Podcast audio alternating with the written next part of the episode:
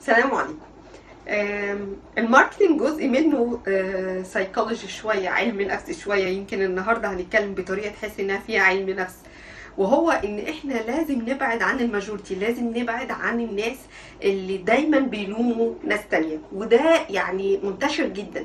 منتشر إن الناس متعودة إن هي دايما تلوم أشياء أو دايما تلوم ناس تانية مختلفة عنهم وهم آه، ترجع ليهم السبب في أي مشكلة هم موجودين فيها.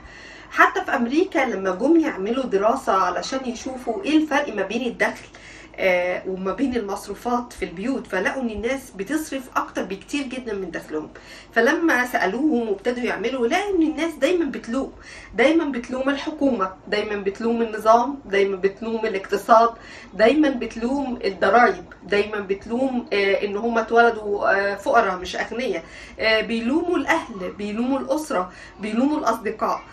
بيلوموا المديرين بتاع بتاعهم بيلوموا إن مفيش فرصة أو إن مفيش وقت أو إن مفيش فلوس. دايما في شماعة بالناس بتعلق عليها. Murphy's law داي لو دايما بيقول كده اللي هو أي مشكلة أو أي خطأ بيحصل دايما بيدوروا على مين هو آه، يرموا عليه المشكلة أو آه، الشيء اللي هيلوموه على الخطأ ده. اذا دي طبيعة بشرية. لكن مارك توين كان ليه رأي تاني للطبيعة البشرية دي؟ مارك توين كان بيقول whenever you find yourself on the side of the majority تلاقي نفسك كده ابتديت في ال cycle بتاعة اللوم it's time to pause and reflect. لازم تقف كده وتفكر.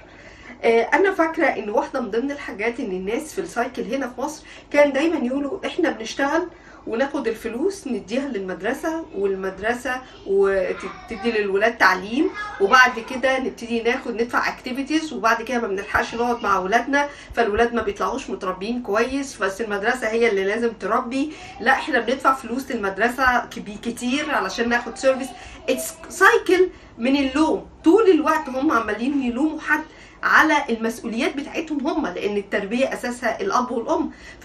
فنظير انهم بيدفعوا فلوس كتير ومبقاش عندهم وقت فيلوموا المدرسة إنها ما بتقومش بالدور بتاعهم. هو ده اللوم هو ده اللوم اللي إحنا بنتكلم عليه وهو ده اللوم اللي في الطبيعة البشرية. حتى الأطفال أول ما بيعملوا غلطة أول حاجة يقولوها مش غلطتي مش مش أنا اللي عملت كده. ده رد فعل طبيعي جدا. الفكرة إن إحنا لازم نسحب نفسنا من 97 لأن دولت الماجوريتي لكن we have to understand them. يعني إحنا عايزين نبقى في في المية المختلفين اللي بيقدروا يقدموا value مختلفة اللي بيعرفوا يلوموا نفسهم لما بتبقى المشكلة من عندهم. لكن have to understand ال 97% ليه؟ لازم نفهم مخاوفهم كويس جدا لأن إحنا لما نفهم مخاوفهم كويس جدا هنقدر نقدم لهم solutions مختلفة لمخاوفهم. فده يبتدي ي build connection rapport network trust goodwill. حاجات كتير قوي بينك وبين ال target audience بتوعك. يعني لو أنت محاسب وإن- وأنت عارف إن في مشكلة دايما بيلوموا على الضرايب. آه، اكتب لهم article هو إزاي يتعاملوا مع الضرايب بحيث إن هم